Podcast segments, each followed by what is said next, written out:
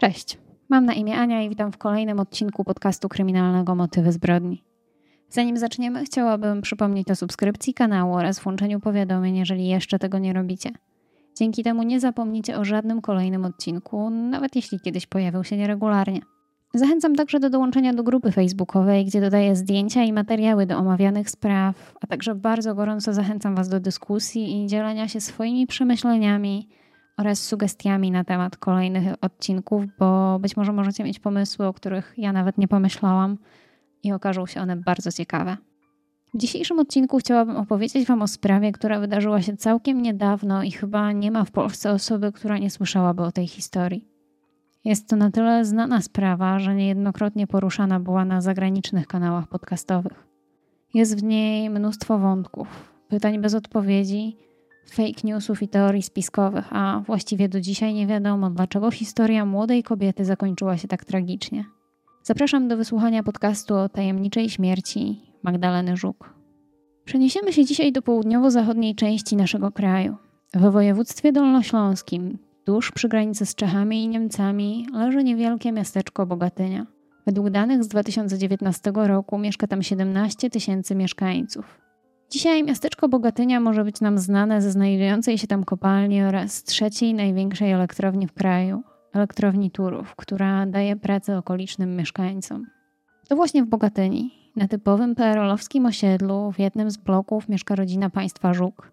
19 września 1990 roku na świat przychodzi ich najmłodsza córka, Magdalena. Mają oni już córkę, o kilka lat starszą Anię. Magda była wesołym dzieckiem, uśmiechnięta i pozytywnie nastawiona do wszystkich wokół sprawiała, że wszyscy właściwie ją bardzo lubili. Magda spędzała swoje dzieciństwo i wczesną młodość w Bogatyni, jednak nie widziała tam dla siebie większych perspektyw, dlatego w wieku 17 lat postanowiła się usamodzielnić i opuścić swój rodzinny dom. Młoda dziewczyna przeprowadziła się do oddalonego o 30 km z Gorzelca, gdzie uczyła się w studium kosmetycznym, aby pewnego dnia móc otworzyć swój własny zakład kosmetyczny. Tak też się stało, ponieważ mając jedynie 22 lata, Magda miała już własny gabinet w Zgorzelcu. Jednak mimo tego wciąż się uczyła i zdobywała wiedzę. Magda ukończyła licencjat na kierunku dietetyka, ale ciągle dokształcała się także z kosmetologii. Chciała być na bieżąco ze wszystkimi nowinkami, więc uczyła się i testowała wszystko, co pojawiało się na rynku. Magda od dziecka marzyła też o karierze w modelingu. Dzisiaj możemy znaleźć w internecie nagranie z konkursu Miss Powiatu Zgorzelskiego z 2011 roku, gdzie Magda próbuje swoich sił właśnie w tej dziedzinie i sama dzieli się tą informacją, mówiąc, że chciałaby spróbować kariery modelki. Wiemy także, że była osobą bardzo aktywną fizycznie. Chodziła na siłownię, gdzie zresztą poznała jedną ze swoich koleżanek. Bardzo lubiła też bieganie. Na jej profilu na Facebooku przez długi czas widniało nagranie, na którym młoda, pełna energii kobieta mówiła, że właśnie przebiegła 18 km po plaży. Szykowała się do udziału w maratonie. Poza siłownią i bieganiem Magda była też zapaloną tancerką pole dance. Zaczynała w jednej ze zgorzoleckich szkół, ale bardzo szybko sama stała się instruktorką. Na jej Instagramie pojawiły się zdjęcia z treningów zarówno na siłowni, jak i pole dance. Właściwie Magda chętnie dzieliła się na swoich mediach społecznościowych swoim życiem. Była bardzo pozytywną osobą. Ciągle uśmiechnięta, żywa. Zarażała innych pozytywną energią. Była też bardzo ładną dziewczyną, jak zresztą słusznie napisała pod jednym ze swoich zdjęć. Typową Słowianką. Znajomi mówili, że Magda była osobą, która umie rozwiązywać problemy rozmową. Mówiła co myśli, ale dało się z nią dogadać. Zdecydowanie była dziewczyną z charakterem i twardo stąpała po ziemi. Była też bardzo zrównoważona i ciężko pracowała, aby osiągnąć swoje cele. Mówili, że Magdalena była silna, odważna i ambitna. Miała też świetną zdolność do poznawania nowych ludzi, bardzo łatwo jej to przychodziło. Jednak jej znajomi mówili, że Magda trochę za szybko ufała ludziom i podejmowała niektóre decyzje bardzo spontanicznie. Znajomi Magdy opowiadają też o tym, że bardzo rzadko piła alkohol. Na imprezach raczej była kierowcą i piła wodę. Miała dość słabą głowę i alkohol źle na nią działał, dlatego też unikała go. Młoda kobieta miała bardzo dobre kontakty ze swoją rodziną. Tata traktował Magdę jak swoją księżniczkę. Pomagał jej w różnych pracach, które wymagały męskiej ręki, takich jak przeprowadzka czy malowanie. Zawsze mogła na niego liczyć. Lubiła też spędzać czas ze swoją siostrą i jej dzieckiem, którego była matką chrzestną. Marzyła też o własnej rodzinie. Chciała mieć męża, dzieci i psa. Wszystko w życiu Magdy zdawało się iść dobrze. W sierpniu 2016 roku Magda przeprowadziła się do Wrocławia. Tam dostała pracę w jednym z salonów kosmetycznych. Jednak nie oznaczało to, że zrezygnowała z pracy w swoim gabinecie w Zgorzelcu. Pracowała tam, ale w weekendy. W 2016 roku Magda poznała też swojego przyszłego chłopaka Markusa. Poznali się na koncercie Tedego we wrocławskim klubie Grey. Było to ulubione miejsce Magdy, jeżeli chodzi o kluby. Często chodziła tam ze znajomymi, żeby potańczyć. Kiedy zobaczyła atrakcyjnego mężczyznę, podobno sama do niego podeszła i przedstawiła mu się. Zaczęli się coraz częściej spotykać. Markus był zaintrygowany Magdą. Imponowało mu, że dziewczyna się rozwija i że ma bardzo dużo zainteresowań. Była też bardzo ładna. Dodatkowo mieli wspólne zainteresowania. Uprawiali razem sport, mogli rozmawiać godzinami. Bardzo szybko planowali wspólne życie, chcieli wziąć ślub i założyć rodzinę. Rodzice wiedzieli, że ich córka ma nowego partnera. Koleżanki Magdy wspominają, że ta była bardzo zakochana i zapatrzona w Markusa. Na temat samego Markusa nie ma zbyt wielu informacji. Jest on fryzjerem z dziesięcioletnim doświadczeniem, ma na swoim koncie takie osiągnięcia jak tytuł Mistrza Polski oraz pierwsze miejsce w Mistrzostwach Dolnego Śląska. Tak jak Magda lubił aktywny tryb życia oraz muzykę. Pod koniec kwietnia 2017 roku Markus miał urodziny, dlatego Magda postanowiła zrobić mu niespodziankę. Kobieta w tajemnicy przed swoim chłopakiem wykupiła wakacje w Egipcie. Wybrała wyjazd all inclusive w czterogwiazdkowym resorcie w Marsa Alam nad Morzem Czerwonym. Był to hotel o nazwie Three Corners i Quonix Beach Resort. Magda zapłaciła za wyjazd kwotę w wysokości 4000 zł, jednak część źródeł podaje, że pożyczyła te pieniądze na wyjazd od swojego taty. Młoda kobieta powiedziała swojemu chłopakowi o tym prezencie bardzo późno, zaledwie kilka dni przed wylotem. Okazało się, że paszport Markusa nie miał minimalnej wymaganej ważności przy wjeździe do Egiptu. W tak krótkim czasie nie udało się zrobić nic, aby mogli pojechać na te upragnione wakacje. Para próbowała kontaktować się z urzędnikami, aby dowiedzieć się, czy można jakoś to załatwić, ale nic nie dało się zrobić. Magdzie zresztą bardzo zależało, aby móc odpocząć. Od dłuższego czasu pracowała we Wrocławiu, jeszcze w Zgorzelcu i bardzo chciała spędzić te kilka dni w pięknym miejscu ze swoim ukochanym. Kiedy okazało się, że Markus nie może jechać, najpierw Magda próbowała namówić kogoś ze swoich bliskich, aby polecieli z nią. Rozmawiała z koleżankami, ale nikt nie mógł, bo większość jej znajomych miała już plany na nadchodzącą majówkę. Koleżanki prosiły Magdę, żeby nie jechała sama. Kiedy nie udało się nikogo znaleźć, para próbowała sprzedać wakacje na Facebooku. Markus napisał następujący post. Sprzedam wycieczkę do Egiptu. Wylot dziś z Katowic o godzinie 20.20. Egipt, hotel 4 gwiazdki all inclusive. Wartość wycieczki 4000 zł. Sprzedam za połowę ceny dla dwóch osób.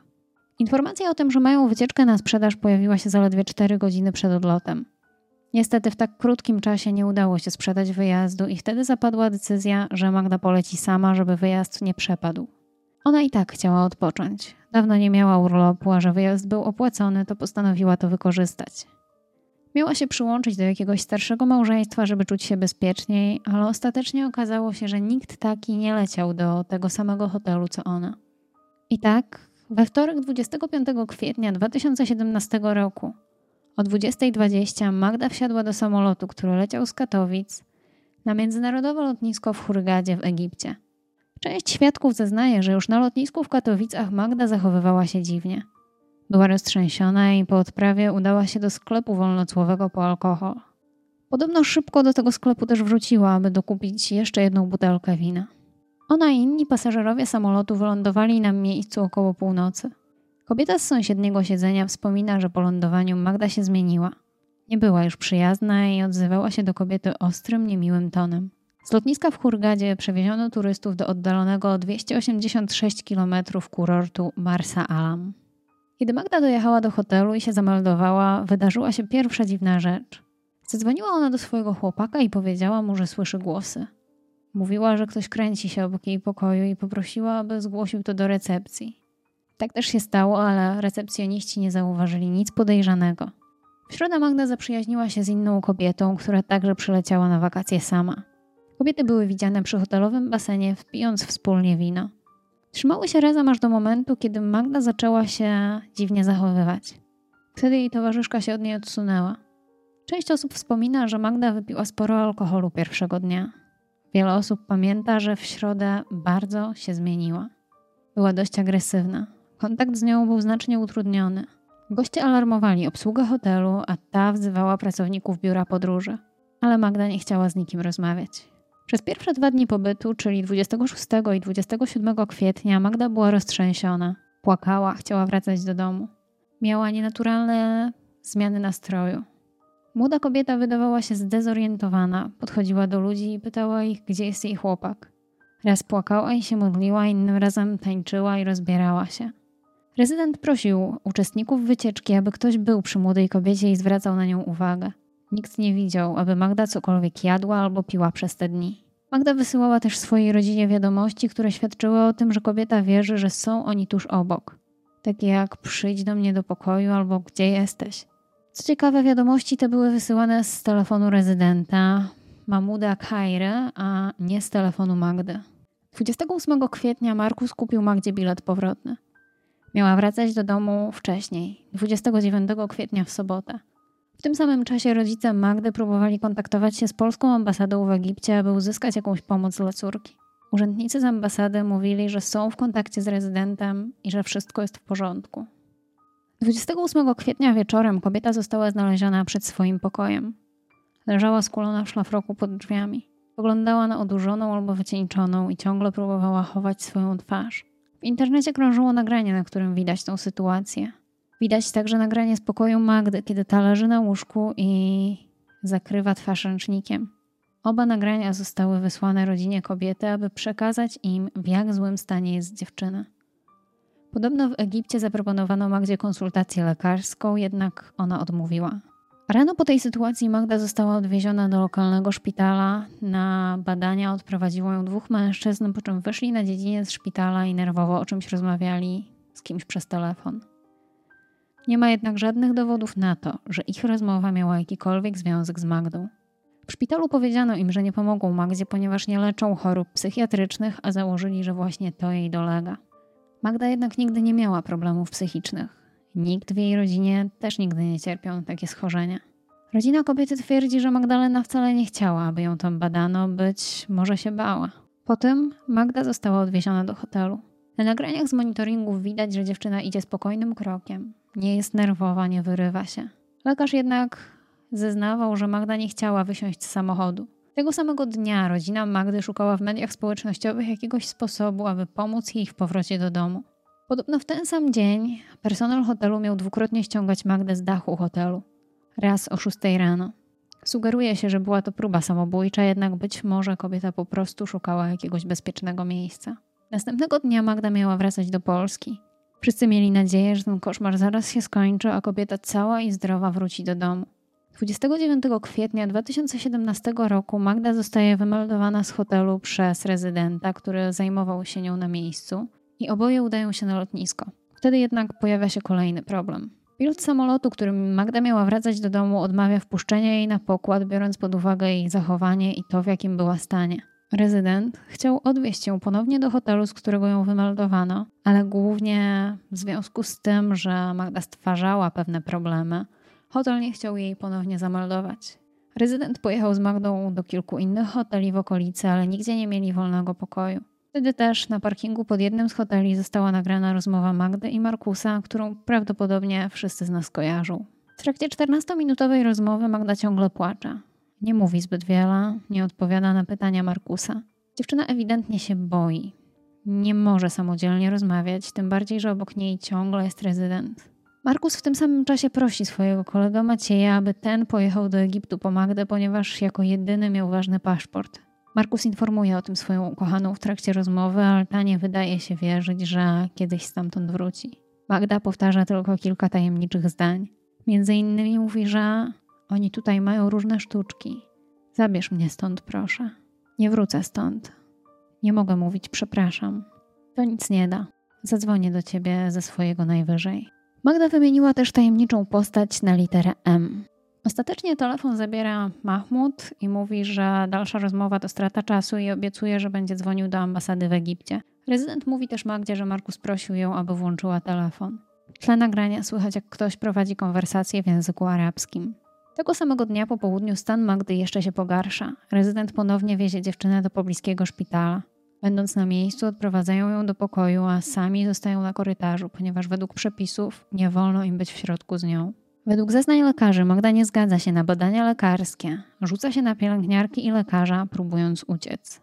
Magda zostaje w tym szpitalu na dłużej. Po północy, około godziny drugiej, kobieta próbowała dwukrotnie wyskoczyć z okna, jednak pielęgniarce udało się temu zapobiec. Po tych incydentach Magda zostaje przywiązana do łóżka prześcieradłami, aby nie zrobiła sobie krzywdy. Jednak nie do końca wiadomo, co dzieje się później. Czy dziewczynie udaje się oswobodzić samej, czy też prosi o możliwość pójścia do łazienki. Ponieważ niedługo po tym Magda skacze z okna. Część źródeł mówi o pierwszym bądź drugim piętrze, inne mówią o wysokości około 8 metrów. Upadek sprawia, że teraz Magda ma dość duże obrażenia fizyczne, ale ciągle żyje. Kobieta doznaje urazu klatki piersiowej, głowy, rąk oraz nóg. Jest w ciężkim stanie, ale szpital decyduje się przetransportować do szpitala w Hurgadzie około 8 rano.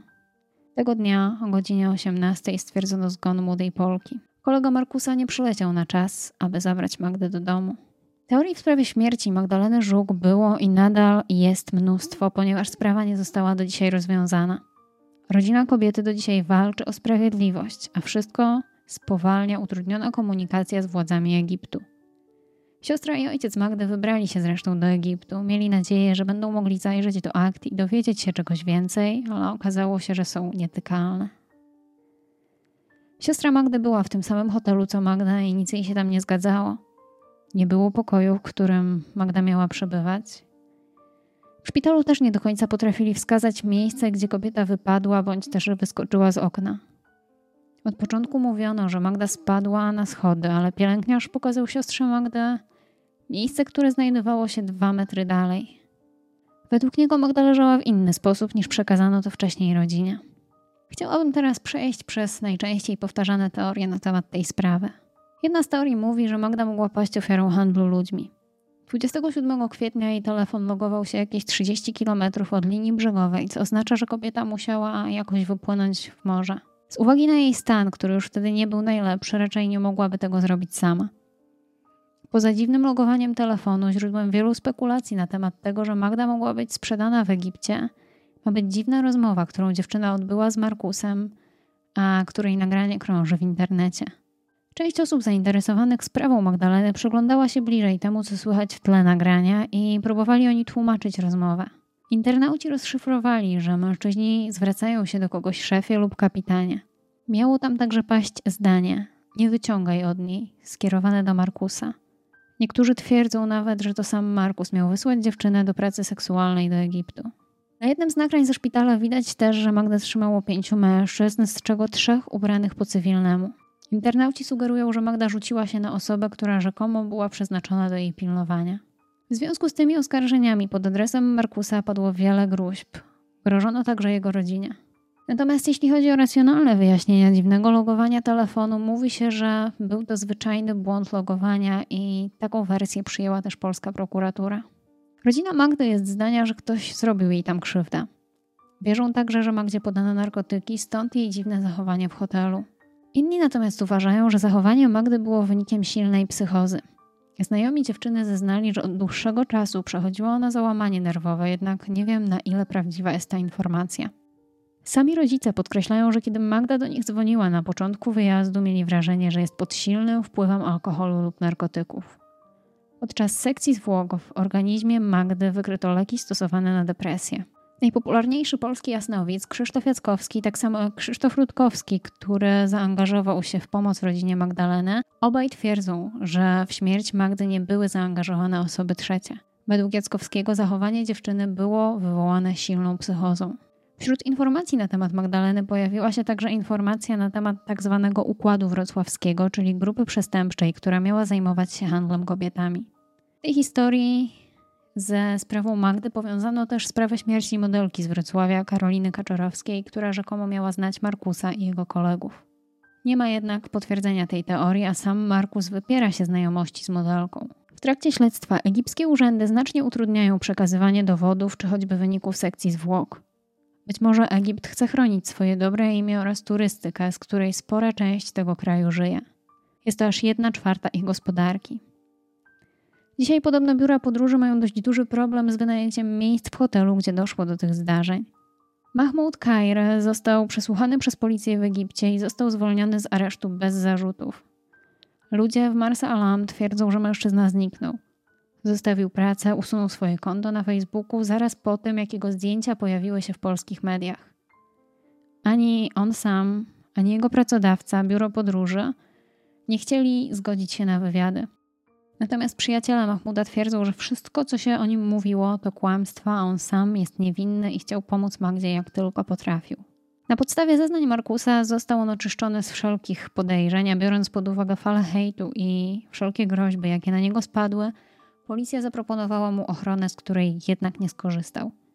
Śledztwo do dziś nie wykazało, co tak naprawdę się wydarzyło. Czy Magda popełniła samobójstwo, czy przeżyła jakieś załamanie nerwowe, czy też w Egipcie wydarzyło się coś, co spowodowało takie zachowanie i tak radykalny krok. Dlaczego Magda nie korzystała z własnego telefonu? Czy ktoś dał jej jakieś narkotyki? W tej sprawie pozostaje wiele pytań i bardzo niewiele odpowiedzi. To już wszystko, co przygotowałam na temat sprawy Magdaleny Żuk. Dziękuję za wysłuchanie tej historii do końca.